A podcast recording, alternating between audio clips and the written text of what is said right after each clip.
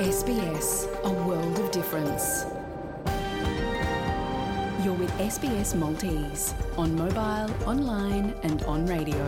Edin tisimaw l-SBS bil-Malti fuq il-mobile, online u il-radio. Il-kumplament tal-jum it-tajab. Insemmilkom, u dan huwa Ramon Mizzi bil-programm bil-Malti tal-Ġimgħa f'Nofsinhar minn fuq ir-radju tal-SBS. Merħba, hekk kif nistidinkom tingħaqdu miegħi għal dix-xandira ta' siegħa bil-Malti. Fil-programm tal-lum, fost aħbarijiet u ġrajiet kurrenti, ikonna l-aħbarijiet minn Malta mill-korrispondent tagħna Leonard Kallus, Se nkomplu d-dokumentarju għar-radju It-tfal ta' Billy Hughes fej sa naraw x'ġara lil dawk il-214 il-Malti u Għawdxi wara li telqu Melbourne. Flimkien ma' mużika ta' interess għalikom is-semija tal-komunità Maltija fl-Awstralja. Imma issa nibdew bil-programm tas-soltu bil-bolettin tal-aħbarijiet.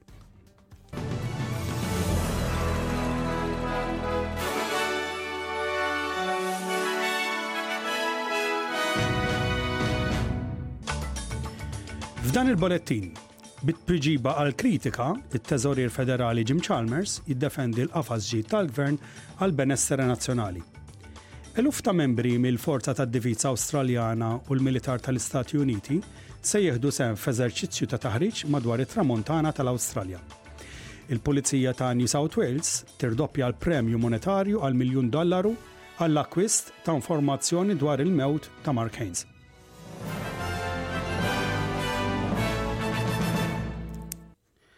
It-Teżorier Jim Chalmers jiddefendi l-qafas il-ġdid tal-Gvern għal benessera nazzjonali bit-tweġiba għal kritika li xi ftit mid-dejta użata f'dal-qafas hija skaduta.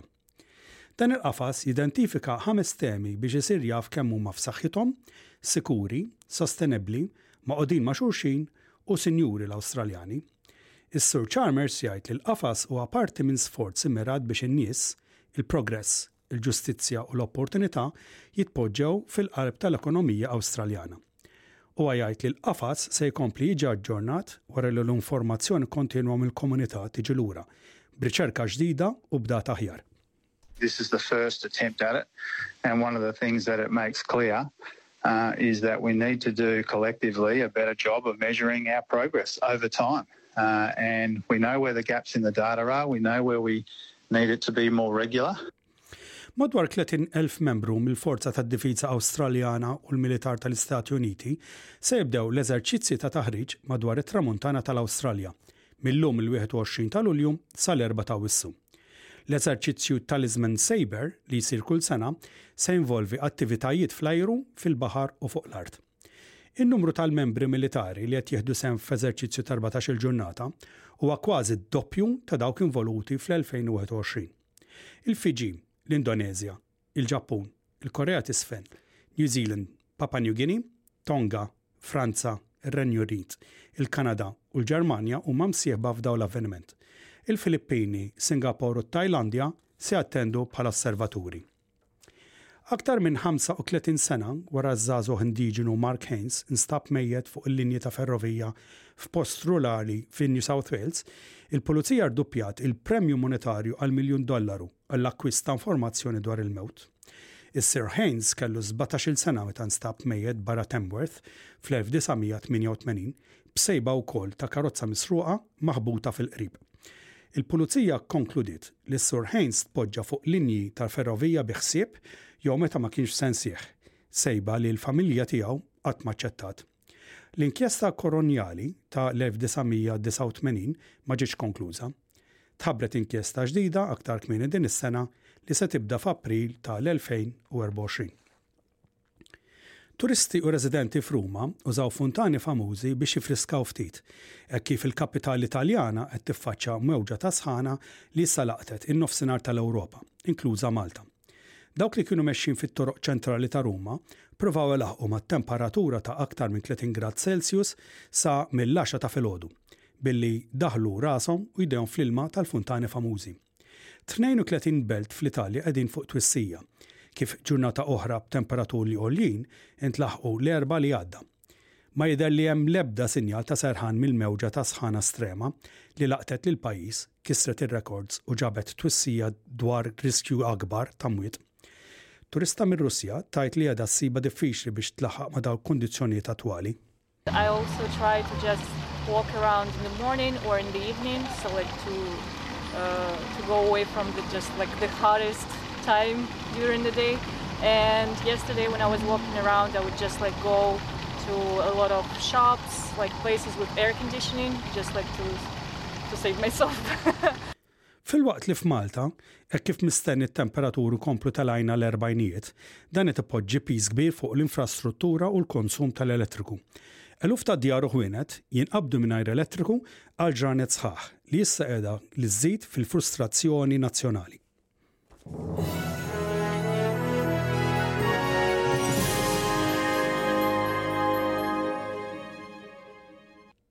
U issa niġu fit-tmiem ta' dan il-bolettin tal-aħbarijiet bit-tbassir tat-temp għallum il-ġimgħa il-21 ta' Lulju. Perth, ħalbit tax-xita 19 grad. Adelaide, ftit imsaħħab 15 grad. Melbourne u Canberra, ftit imsaħħab 14 grad.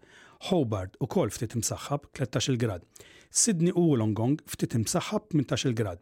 Newcastle ħalba jew tnejn tax-xita 20 grad, Brisbane b'nazzi 24 grad, Cairns ftit imsaħħab 28 grad, Darwin bil-biċċa kbira xemxi 32 grad.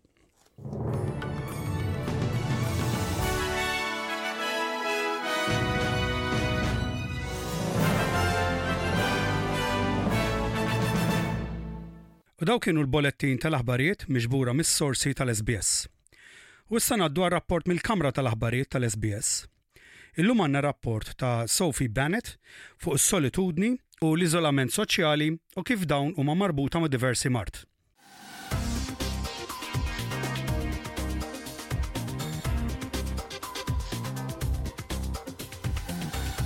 Studji qed juri li s-solitudni u l-iżolament soċjali huma marbuta mar-rata għolja ta' mard fil-qalb, puplesiji u anke mewt. Proġett ewlieni fil-komunità li qed jistinka biex jibdel dan iġib nies flimkien permezz ta' xogħol volontarju biex jipproduċi ħxejjex friski u staġonali f'ġonna privati. Fuq proprjetà f'periferija ta' Sydney, Manu Prigioni u t-tim tagħha ta' voluntiera huma okkupati bil-ħsad ta' ħxejjex organiku. It's winter so we're growing all the winter veg, broccoli, cauliflower, cavolo nero and got some radishes, we can grow snow peas and snap peas under our hoop tunnel and we grow different lettuces because the weather in the mid mountains is still quite temperate. Ix-xogħol qed isir permezz ta' intrapriża soċjali tas-Sinjura Prigioni, Farm It Forward, li bdiet erba' snin ilu. Minn dakinhar, il-volontiera kkultivaw 26 tunellata ta' ħaxix minn ġonna privati lokali. Is-Sinjura Prigioni tgħid li l-iskop ta' dan il-proġett huwa aktar milli jipprovdi ikel, iżda wkoll jagħmel tajjeb għall-benessere tan-nies fil-komunità. Landowners who are part of our programme were selected because they are in categories at risk of social isolation in the mountains. So, young families with children, older retired residents. Is-Sinjor Prigioni esperjenzat l-impatt tas-solitudni u dak li jġib miegħu. Wara li kibret fl-Italja, hija migrat lejn l-Awstralja ta' satax-il sena u tgħid li meta ċċaqalqet lejn komunità żgħira pjuttost rurali Siegħa 'l barra fil-Punent ta' Sydney, da ġie bħala xokk.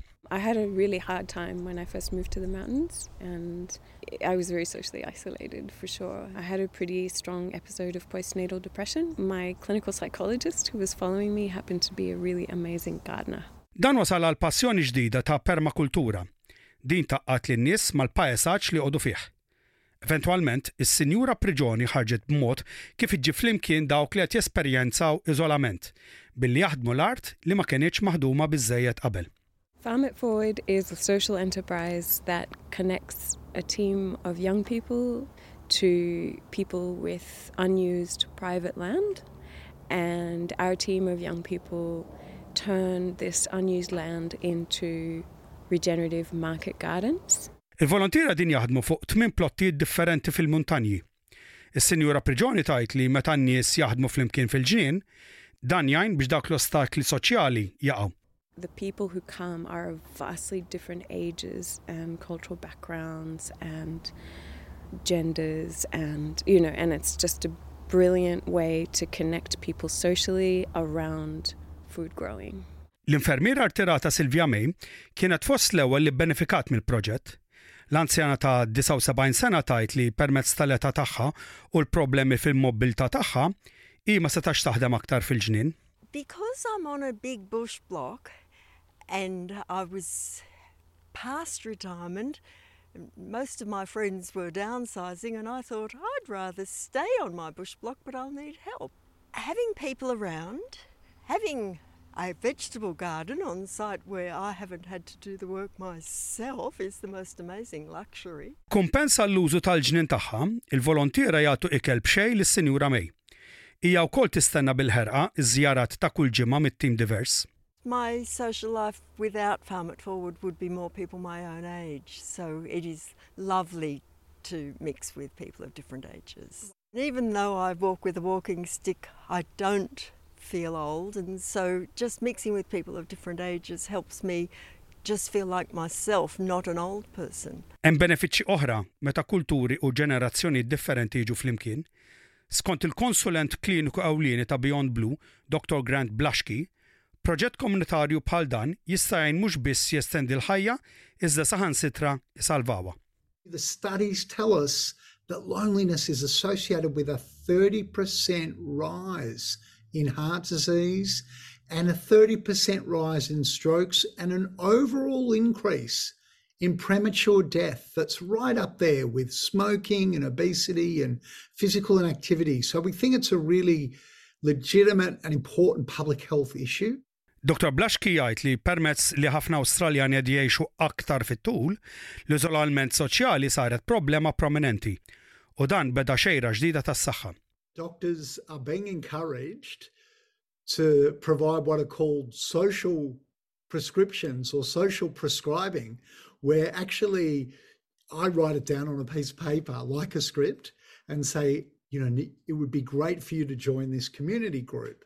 Dr. Roseanne Frick Poli hija professjonista tas-saħħa fl-Università ta' Monash li tinvestiga xejriet u kawżi ta' mard u korriment. Hija tgħid li filwaqt li l-proġetti bħal dawn jgħinu biex ilaqqgħu n-nies flimkien, uħud minn dawk l-aktar iżolati għadhom joqogħdu lura. The biggest barrier is actually putting yourself out there and talking to new people unfortunately, we do have to do it throughout our lives. The research shows that every seven years, our friendships groups do change because we change, but also our friends change. And it's just important to keep that in mind. It's something that we have to keep up throughout our lives. Il-volontiera ta' Farm It Forward jipprovdu ikel frisk lill-komunità lokali u huma kapaċi jkunu parti minn dak li jkabbru. Raffida, kapaċi ssajjar dawk il-ħxejjex li ma nbeħħux f'fatra bnina, ta' benefiċċju għas-saħħa u affordabbli. For me cooking is My way of sharing with the community and I love it. As you look around, a lot of people are unwell and there has been a lot of challenges for a lot of people from last two and a half years since COVID, but nourishment is about really looking within your soul. Hekk kif l-għoli tal-ħajja jkompli jiżdied, Dottor Blaschke jgħid li l-benefiċċji tal-proġett bħala Farm It Forward jestendu sew lil hinn mill-komunità lokali. We are in the midst of a societal transformation where we're trying to deal with some really urgent environmental issues. And part of that solution is going to be growing and consuming local food. So, not everything needs to be bought from the other side of the world and flown over on a plane or a pro-life runnership. So, you know, there's a confluence of mental health, environmental, social capital agendas that I think really make these sort of projects most worthwhile. Is-Sinjura Priġoni ġiġa inspirat produtturi fi Queensland, Victoria u Tasmania biex jibdew proġetti bħal dawn, hija tittama li ħafna oħrajn isegwu. I'd like to see a farm it forward type initiative in each local area. if not in each suburb. Seriously, it's it's it's incredible in terms of nipping issues in the bud to do with public health and it's strong in its small and meaningful scale. So lots and lots of small and meaningful makes really really powerful change.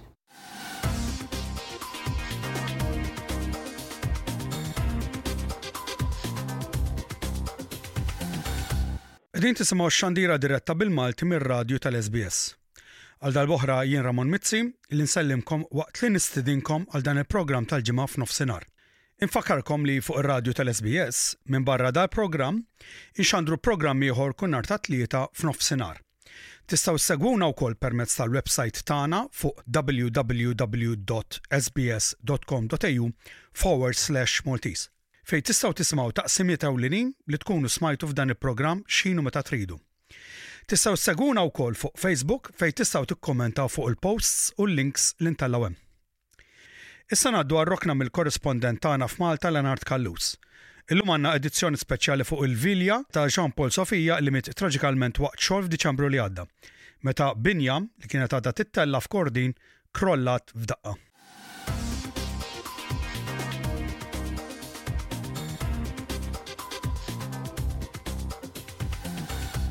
Din hi ġabra ta' aħbarijiet minn Malta. Leonard Callus isellmilkom. Eluf attendew għall-velja f'Misraħ Kastilja il-Belt it-Tnejn filgħaxija b'turija ta' solidarjetà ma' omm u missier Jean Paul Sofia li f'Diċembru tilef ħajtu meta intradam f'sit ta' kostruzzjoni. Id-deċiżjoni tal-Prim Ministru li għamel U-turn u ħabbar li ser issir inkjesta pubblika dwar din it-traċedja tal-mewt ta' dan iż-żagħżugħ seħħet qabel folol kbar inġabru quddiem Kastilja għal velja msejħa minn omm iż-żagħżugħ Isabel Bonnici.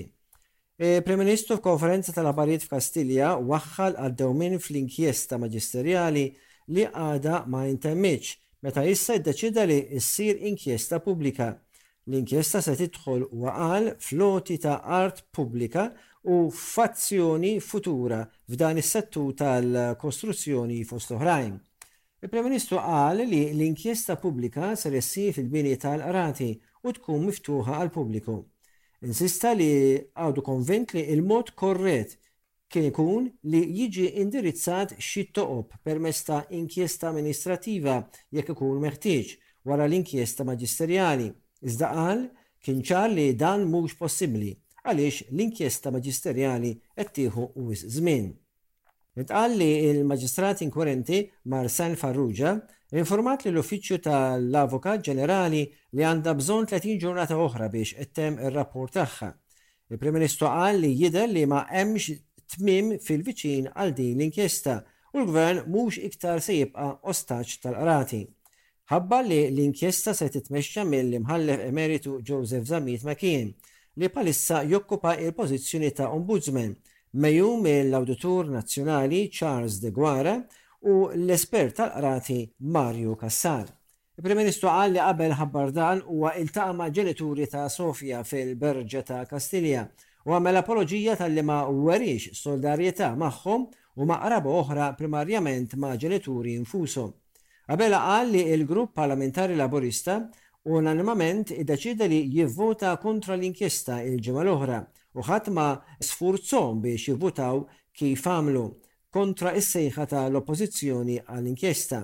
Meta indirizza il-Folol fil-protesta li kienet imsejħa bħala fost l-ikbar protesti organizzati mis-soċjetà ċivili, il-kuġina ta' Jean Paul Sofia qalet li l-settur tal-kostruzzjoni qed iħalli warajh ħafna vittmi.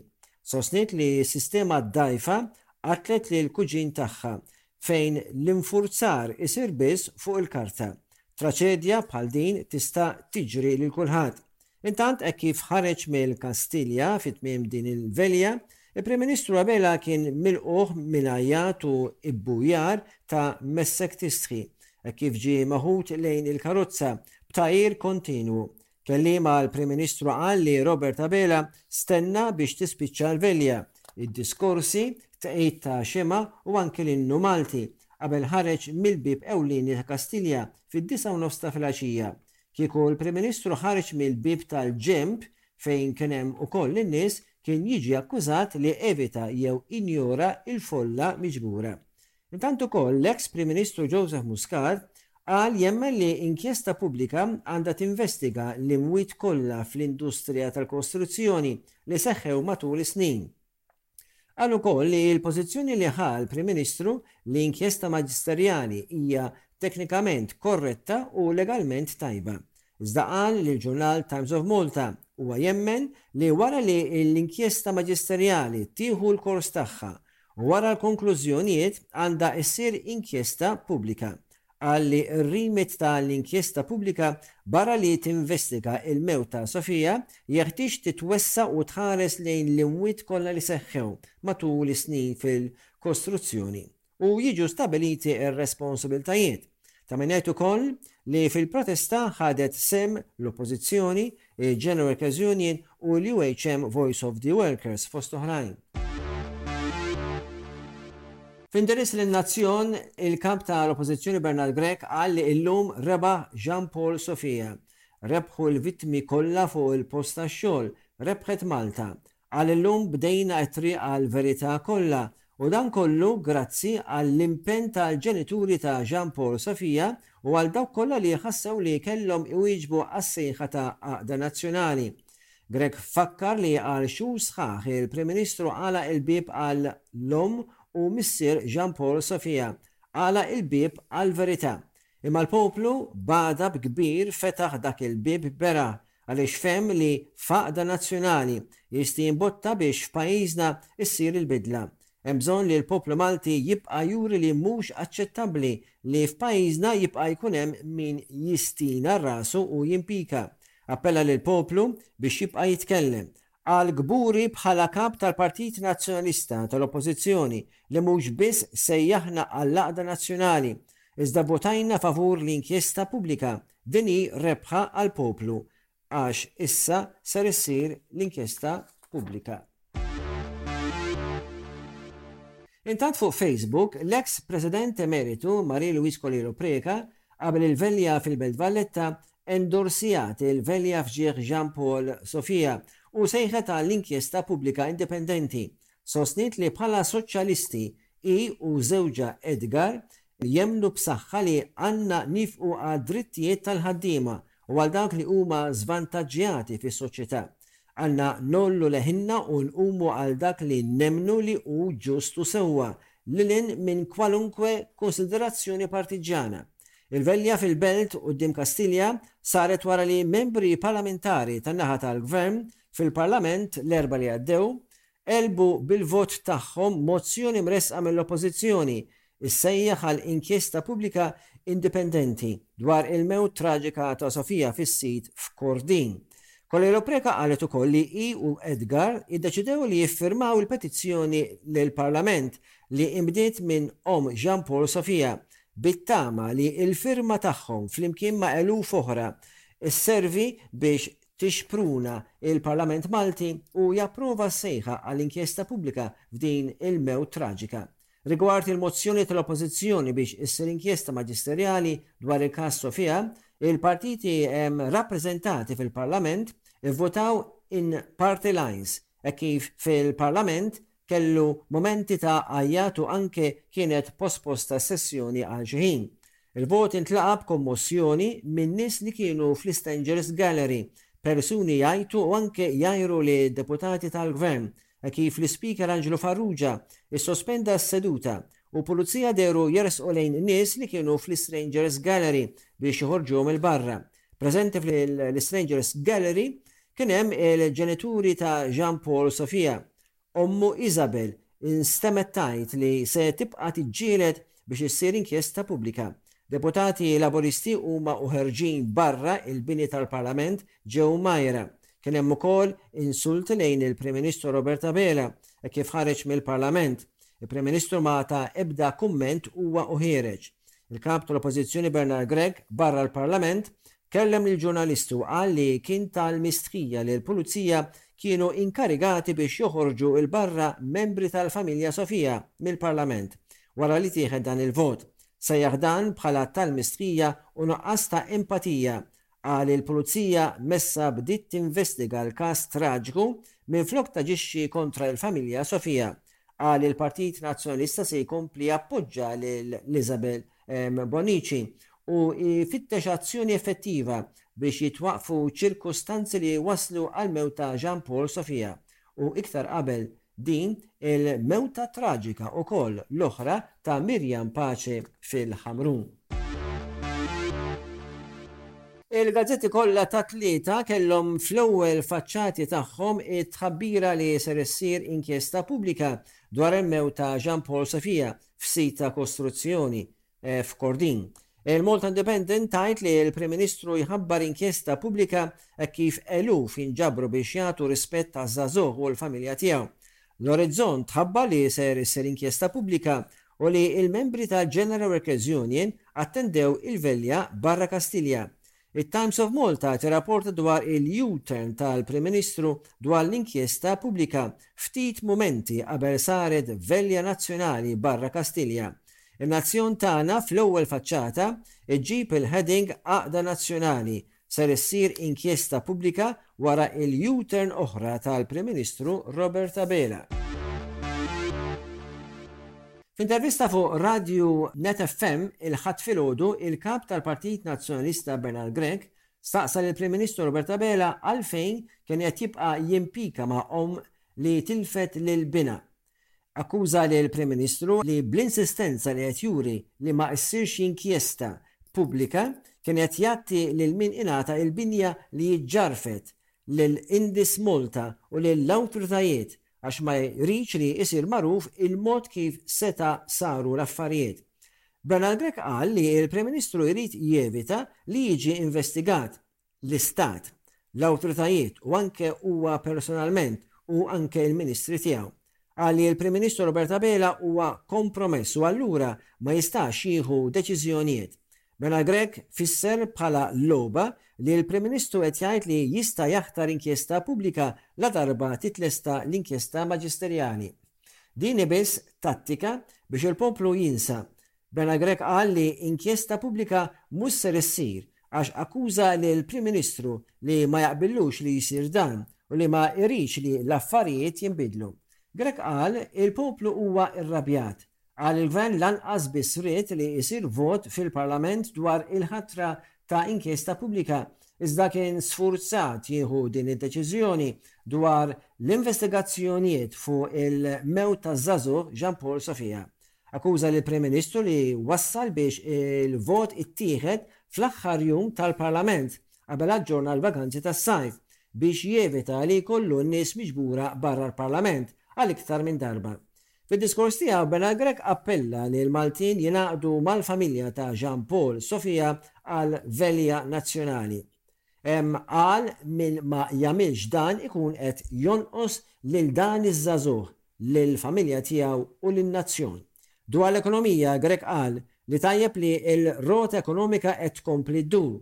Dan qed isir biss bl-importazzjoni tal-barranin u ż-żieda fil-popolazzjoni. Dan hu eżempju ta' immaniġġjar bi kriżi. Qal ninsabu fgati, it-toroq iġġamjati, toroq jinqalgħu mill-ġdid, biex tissaħħaħ is-sistema ta' dranaġġ għax mhux tlaħħaq il-distribuzzjoni tad-dawl qed tbati u l-awtritajiet sfurzati jaqtgħu il-provista, wiegħed li Gvern Nazzjonalista jerġa' jintroduċi niċeċ ekonomiċi ġodda. B'hekk ġejna fi tmiem din il-ġabra ta' aħbarijiet minn Malta. Bħal dejjem, Leonard Callus isellmilkom u jirringrazzjakom tal-attenzjoni. Saħħa lil kulħadd.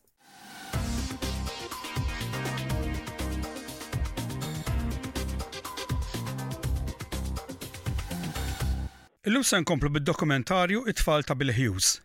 Dan id-dokumentarju jitratta fid-dettall dak l-inċident tal-214 il-migrant Malti u Għawdxi li ġew esklużi milli jidħlu l-Awstralja fl-1916.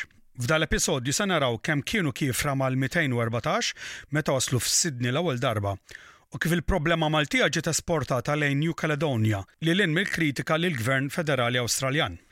Illum se ngħaddu għat-tielet episodju, Jirritornaw Sydney.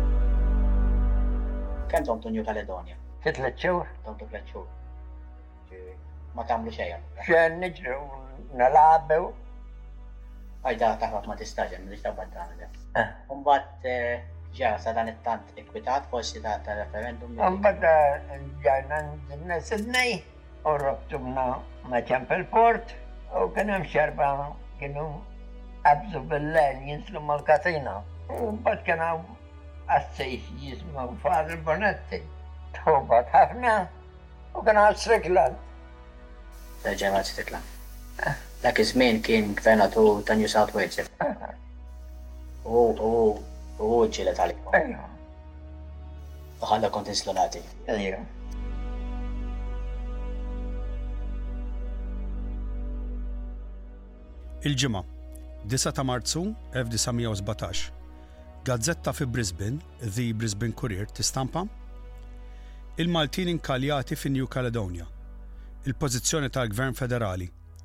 Dikjarazzjoni mis-Sur Hughes. Ir-rappreżentant ta' Laing, is-Sur Elliot Johnston, staqsa lill-Prim Ministru fil-Kamra tad-Deputati llum jekk kienx sema' lill-qrabat u t-tfal tal-Maltin, waqt li kienu l-ħabs fi New Caledonia, kinux qed imutu bil-ġuħ. Is-Sur Hughes qal li kien ra lil Father William Bonnet għax kien qed jaġixxi f'isimhom. Hu stqarr miegħu li l-Gvern kien imġiegħel jieħu dil-pożizzjoni minħabba dikjarazzjonijiet li saru fil-kampanja tar-referendum. Dikjarazzjonijiet li, għat-ta' nies ta' kulur, kienu se jidħlu fil-Commonwealth. Huwa mbagħad qallu li kieku Father Bonnet jista' jagħtih assigurazzjoni li jsibu impjieg u jingħaqdu mal-unions, il-Gvern jagħmel dak kollu possibbli biex jgħinhom. Huwa rrimarka li l-qassis, il-Gvern għamel dak kollu li seta' biex jorganizza t-transport lura għal Malta.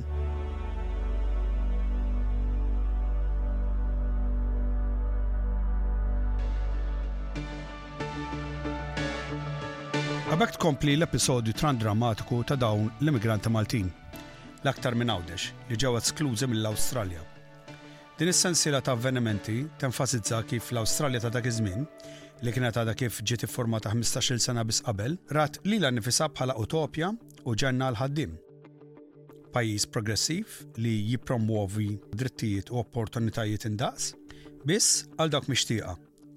Iżda f'din is-sitwazzjoni l-Awstralja nqabdet mhux preparata.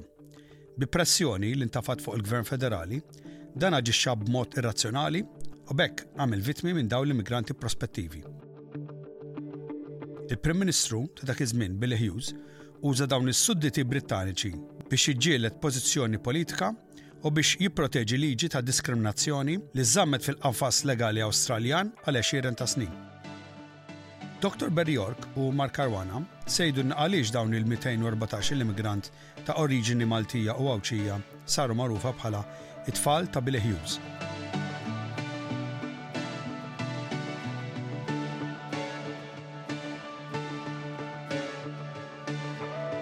L-Erbgħa, l-10 ta' Jannar 1917, The Advertiser of Adelaide ippubblikat dan l-artiklu. Il-Maltin u l-Awstralja ddoqq il-fifra. Ma ttieħdet l-ebda deċiżjoni dwar x'għandu jsir mal-200 Maltin li ġew irrifjutati l-inżul fil-pajjiż meta ġew l-Awstralja waqt li kienet għaddejja l-kampanja tar-referendum. Dawn imbagħad ittieħdu New Caledonia. Peress li kien hemm xi diffikultajiet dwar ir-ripatrijazzjoni tagħhom, U daw il-Maltin huma sudditi Brittaniċi, il-Gvern Federali qed itella' kont sustanzjali għall-manteniment tagħhom.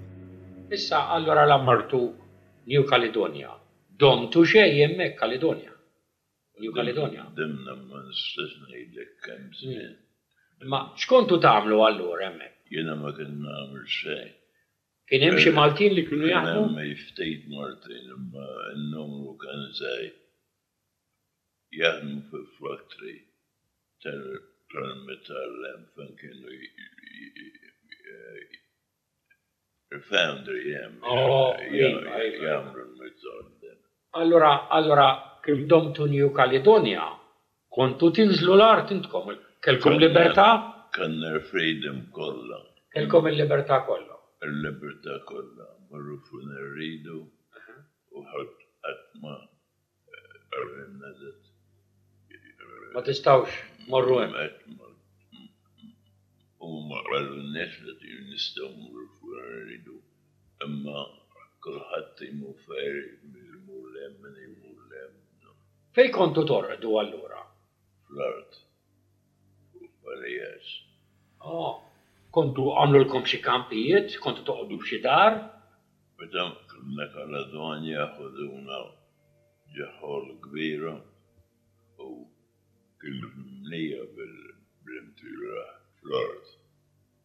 Għandek il-bdejgħa sur Attard, Kemm Domt u New Caledonia. Bejn wieħed u ieħor. Żommtu twin twin. F'din l-intervista li Emmanuel Attard għamel ma' Frank Falzon, dan jispjega kif xi Maltin sabu l-impjieg fi New Caledonia. Iżda fis-Sydney Morning Herald ta' Tlieta sittax ta' Jannar 1917 deher dan. Il-wasla ta' aktar minn 200 sudditu Brittaniku f'Noumea ħolqot ħafna kummenti hemmhekk, skont l-aħħar stħarriġ miġjub mill-FMS Pacifique nhar il-Ħadd.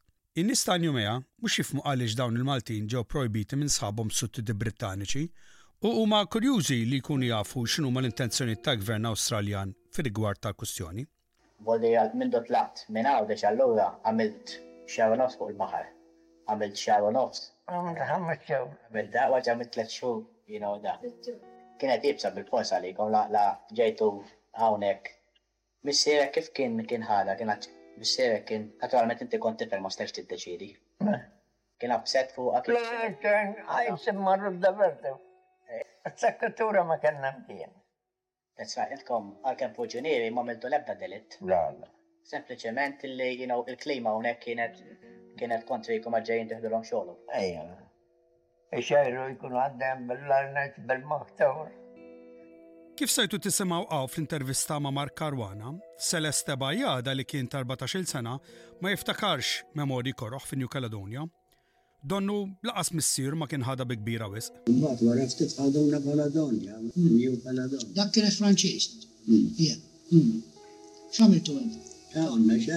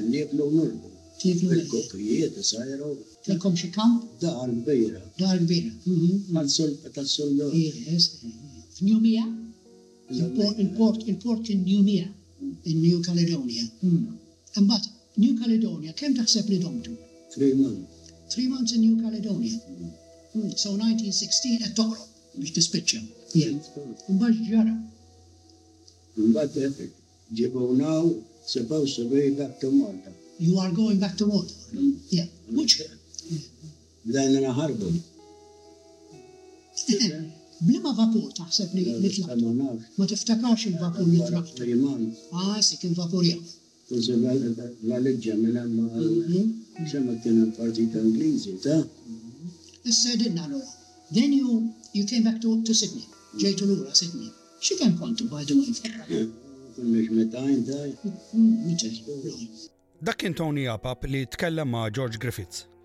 Permezz li Tony kien eh, New Caledonia, da ma kienx jaf li kien hemm pressjonijiet irmuntati biex il-Maltin jinġabu lura l-Awstralja.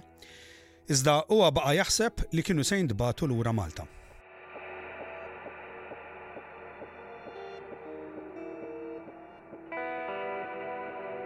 Dr. Barry York sa jispjegana għaliex bil-ħjus ċeda għal depressjoni. The first point to make is that he lost the referendum. So the referendum had happened. I think that was 28th of October 1916. The Australian people voted no to conscription for the European war. Big blow to Billy Hughes. He then, with his tail between his legs, sort of uh, left the Labor Party and set up the uh, Nationalist Party. Having lost the referendum, th- that rationale was no longer there to keep the Maltese out, but it had all become embroiled or entwined with the white Australia mentality where the Maltese were being seen cautiously or semi-white or who are they? What are they Arabs? Are they you know the racial thing, the racist attitudes were still there, made it a bit awkward. But the Maltese had a lot of support among the Australian people. The main reason was that 80,000 Anzacs had recuperated in the nurse of the Mediterranean, Malta there were pro immigration lobbyists like the Millions Club in Sydney. That was run by a real estate agent. Of course, they want, you know, they support mass immigration. But they came out in support of the Maltese. They were quite powerful. And there were the pro imperial people who said, look, these Maltese, they're part of the empire. They, they, they shouldn't be kept out. You know, they're they're British subjects. We we should be uh, uh let them in. We shouldn't treat them like this. The Colonial Office itself was quite was putting pressure to the uh, the senior officer wrote a note on one document that I've seen from the Colonial Office, 1916, and he said what they've done to these Maltese on the Gange is an act of treachery worthy of the Germans and you don't get much more condemnatory than that at that time. Ex servicemen who'd returned from Gallipoli and places like that, who had been wounded and recovered in Malta, they were writing letters to the newspapers. Let them in, they helped us. Reverend Albert McKinnon wrote a book called The Nurse of the Mediterranean that was published around that time and very widely read and that spread the word about what role Malta had played as uh, friends of the Australian and New Zealand uh, army people. Uh, another factor, of course, with Billy Hughes changing his mind was that in Malta, the governor, Methuen was his name, he was concerned that an anti British sentiment was being fed by news of how the Maltese on the Gange had been treated. And you can understand why that would lead to an anti British sentiment. Uh, Maltese are told you're part of the empire, you know, you're British subjects by birth, isn't that wonderful? And yet turned away by a fellow member of the, the British Empire. U bekk, it-tfal ta' Billy Hughes waslu f'Sydney bejn l-4 u l-10 ta' Jannar tal-1917. Iżda dad-diżastru ma spiċċax hawn. But even when they got back from New Caledonia, the bastardry didn't end. They came back on a ship called the St. Louis and they, disem- they were meant to disembark at Sydney. They thought they would be disembarking. Instead, they were marched off that ship onto an old disused coal hulk called the Anglian, that was moored in Berry's Bay in Sydney Harbour. Berry's Bay jinstab fil-vant ta' Waverton u fil-punent ta' McMahon's Point. Whenever I visit Berry's Bay, I just imagine that old hulk there. They were kept under armed guard,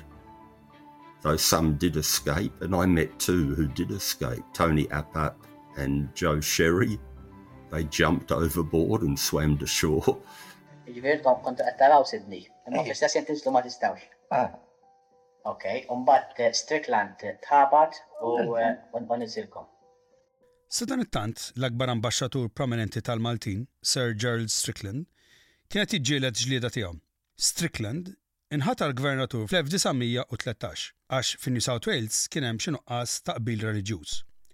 Huwa kien maħsub li gvernatur Kattolku Ingliż ikun l-aħjar persuna biex jikkontrolla dit-tensjoni reliġjuża.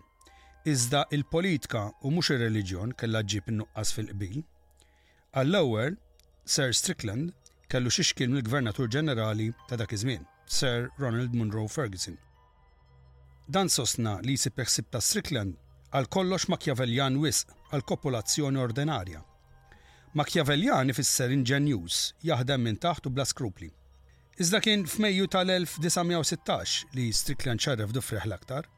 Dan sar meta kkritika lill-Premier ta' New South Wales, Willian Holman, dwar it-tapar se jirriżenja mill-Kummissjoni tiegħu biex jevita vot ta' ċensura fil-konferenza tal-politka tal-Labour.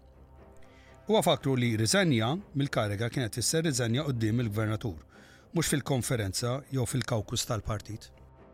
Tajjeb ngħid hawn li filwaqt li dawn l-interventu kienu ġew ittollerati f'Tasmania jew f'Nestern Australia, fejn Strickland kien gvernatur qabel, fi New South Wales dawn il-kummenti ma kinux apprezzati. Għalkemm Holman tkeċċa minn mexxej ta' Partit Laburista minħabba fil-pożizzjoni tiegħu favur il-lieva, huwa beda jinnegozja gvern ta' koalizzjoni ma' Sir Charles Wade, li kien il-kap tal-oppożizzjoni fil-Parlament tal-Istat ta' New South Wales. Strickland wissa li hu ma setax ikompli jagħmel negozju miegħu. Billi talab x'se jfisser fis-sustanza r-ritorn tal-kummissjoni ta' Holman, Strickland qajjem rabja fost il-partitarji ta' Holman. Filwaqt li l-għan ta' Strickland kien biex jissalvagwardja l-eletturi kontra gvern li qatt ma kien irċieva l-approvazzjoni popolari, l-appelli lil Downing Street irriżultaw li l-Gvernatur jirċievi ċanfira tniggez. Imbagħad, l-Uffiċċju Kolonjali ordna lil Strickland biex jagħti l-kunsens tiegħu għall-abbozz ta' liġi tal-Gvern Nazzjonalist biex itawwal il-ħajja tal-Parlament. Sadanittant, l-ispejjeż biex iżommu l-Maltin u l-Għawdxin b'għassa kontinwa fuq il-vapur maħruq bdew jirmuntaw mhux ħażin. Imbagħad inqalgħet spiża oħra ta' 4,050 lira sterlina, li jiġu xi 380 elf dollaru Awstraljani tal-lum, li l-Gvern Federali kellu jħallas.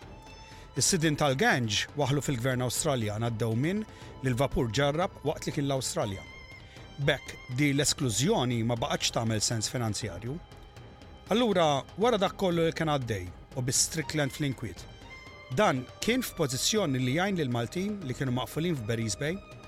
Strickland kien imperjalista u ried li l-emigrazzjoni ma tkunx fl-Afrika ta' fuq, Tunis, l-Alġerija, l-Eġittu, ried li jmorru fl-Imperu Ingliż. Kellu dik iċ-ċerta dispożizzjoni li jiffavorixxi l-emigrazzjoni għall-kolonji. Dejjem għen eh, milli qaluli u jfaħruh, però diffiċli jissib xi ħaġa bil-miktub il għaliex naturalment u kien irid joqgħod attentu. U dan vera kien jitkellem bil-Malti? Jiena ma nafx, però intervistajt wieħed mill-Mosta u tala jaħdem Broken Hill. U meta kien Broken Hill sema xinis illi għaw il-gvernatur ta' New South Wales li hu Malti. Naturalment interessa ruħu u mar jisimaw kien għamel meeting Broken Hill. U dan, insomma, norat xikluna bil-mosta. Daġi fuq l-Arabja, dak il-vapur li tħalla jinżel. Għalli li tkellem bil-Malti, pero Malti mfarrak. Eh, Malti tiegħu ma kienx jiġi sot, Malti mfarrak. U jiftaka għallom jekk ikolkom bżonn ġibu xaħat mill-familja, ejjew għarawni. Jiġifieri, evidenza żgħira li kien jgħinu jiġifieri. Saqsejna lil Mark Caruana x'rwol kellu Father Bonnet f'din l-istorja orrendi. Well, milli nista' nifhem jiena, Father Bonnet ġie mqabbad mill-awtoritajiet Awstraljani bħala interpretu, għax biċċa kbira ma kinux jafu bl-Ingliż u biex jaraw eh, xi jridu dal-Maltin imorrux lura Jew jibqgħux hawn. Insomma, wara dan kollu u ħafna pressjonijiet minn Father William Bonett u l-influwenza ta' Strickland, Hughes ċeda għal kollox u ħalla lill-Maltin jitlu l-Awstralja bil-kundizzjoni li jitlu f'impjieg u jingħaqdu mal-unions. Infatti, sal-aħħar ta' April tal-1917, waqt li Strickland kien sejjer Malta, il-Maltin daħlu fil-pajjiż u bdew ħajjithom bħala ċittadini ġodda.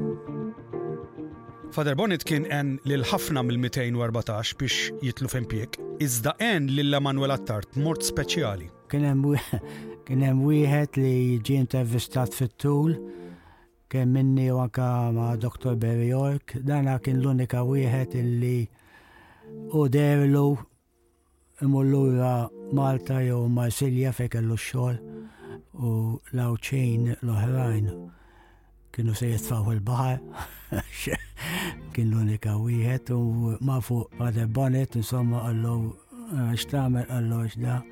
Fada Bonnet għamillu garantor u ħallok jinsil. Dana kien Manuel Attart mill-qala li kelli xorti n-intervista, Berrio kamil intervisti fit-tul u eh, ftakar f'dan l-incident u ħas ċertu rimors il għalix li ġralu dan meta Pulizija ħadu ħdar l-inkejs fejn kien hemm il-Maltin. Il-Maltin qalulu issa toqgħodx tħabber rasek issa hemm ix-xogħol baran ġak dem kienu qed jibnu din id-diga, din id-dem, insomma, u speċjali ma jiena għalli eh, ma rridx nġibu fl-ingwitu. U eh, baqab dik il-ċertu ndima li speċi sħabu għallu l-issa dabba rasek għax biex ma taġax tinqabad u da u baqa b'dik il-dejjem imma. Ma nafx kitiblux il-Father Bonnet, u ndikun Father Bonnet għallu tal biex rasek għallu għallu jena ma ġejċ fl-inkwiet, għallu kollox għadda issa, jiġifieri. Pero meta intervistajnieħ, Kellu dik dik l-imma illi għamix sewa jew le insomma. U sab l-impjek lil Ċelesta Bajjada li kien biss 14 sena meta wasal l-Awstralja ma' missieru. U jiena sibu li xogħol il-qassejs. Hemm sidna Ferrero, Ferrero, Naqasis kien Malti ċelestu. Ejwa. Fade Bonnet. Bonnet. Eh. Bonnet. U missirek sa fi xogħol waqt sena. Mur fil-country. Aw kelli mu fil-country. Eh. U inti ma moċ miegħu bqajt bqajt Sydney. Eh. U ta' 14 sena voldi bdejt taħdem inti mill-ewwel. U l-ewwel xogħol sabu l Fade Bonnet. Fej kien Madda Ferrero, għaddim Ferrero sawa. Fiex fi skola x'kienet? Skola kienet teacher? Le, shop. Oh, I see, kont isu shop assistant għall-ewwel. U li dak l-ewwel xogħol tiegħek. Imma ma stajċ ma nistaqsix li riċerkaturi tal-istorja kif dawn se jibqgħu miftakra it-tfal ta' Billy Hughes. Well, I hope it is remembered and thank you. I'm so glad that you're doing this podcast. That helps remind people. of what happened. You know, there've been a few songs written about that incident uh, in the Maltese community.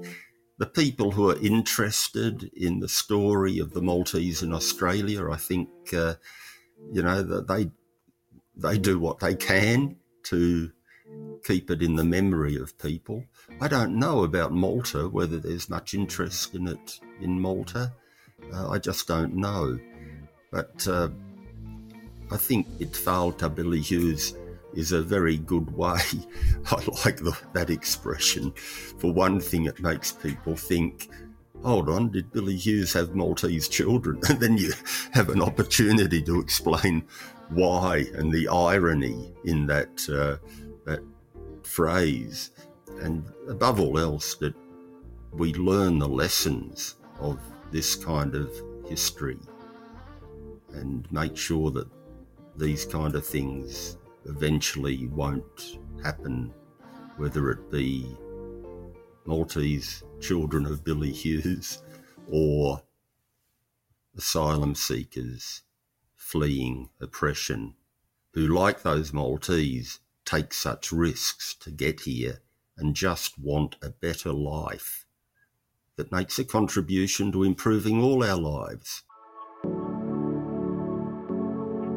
Forse hemm element sarkastiku f'dan it-titolu, ċertament il-Malti ma kienu xi qisu ruħhom hekk. Naħseb jew forsi frażi li nħolqot mill-gazzetti għax Billy Hughes kellu rol importanti. Maltin jgħidu aħna ta' Kaledonia, għax New Kaledonia, aħna minn ta' Kaledonia. Għax imbagħad li ġara Ramon, hawnhekk hawnhekk tara konsegwenza kera. Il-gvern kolonjali ħareġ ordni li ma jinħareġ ebda passaport minn Malta l-Awstralja u dina damet kważi Tliet snin. B'eċċezzjonijiet min kellu forsi diġà kien hawn kellu l-familja. L-immigrazzjoni għall-Awstralja damet magħluqa xi tliet snin, mbagħad raġa' bdiet fil-bidu tal-20ijiet. Issa meta wieħed iqis li l-emigrazzjoni kienet eh, safety valve, eh, nalla kienet l-emigrazzjoni għal dawk iż-żminijiet u għaliex eh, Ma kienx hemm xogħol biżejjed għal kulħadd. Dika kienet kif, eh? tliet snin, ebda passaport ma nħareġ għall-Awstralja. Dik kienet konsekwenza. Fl-episodju li jmiss se naraw il-wirt storiku li ħallew warahom it-tfal ta' Billy Hughes. F'Malta u fl-Awstralja.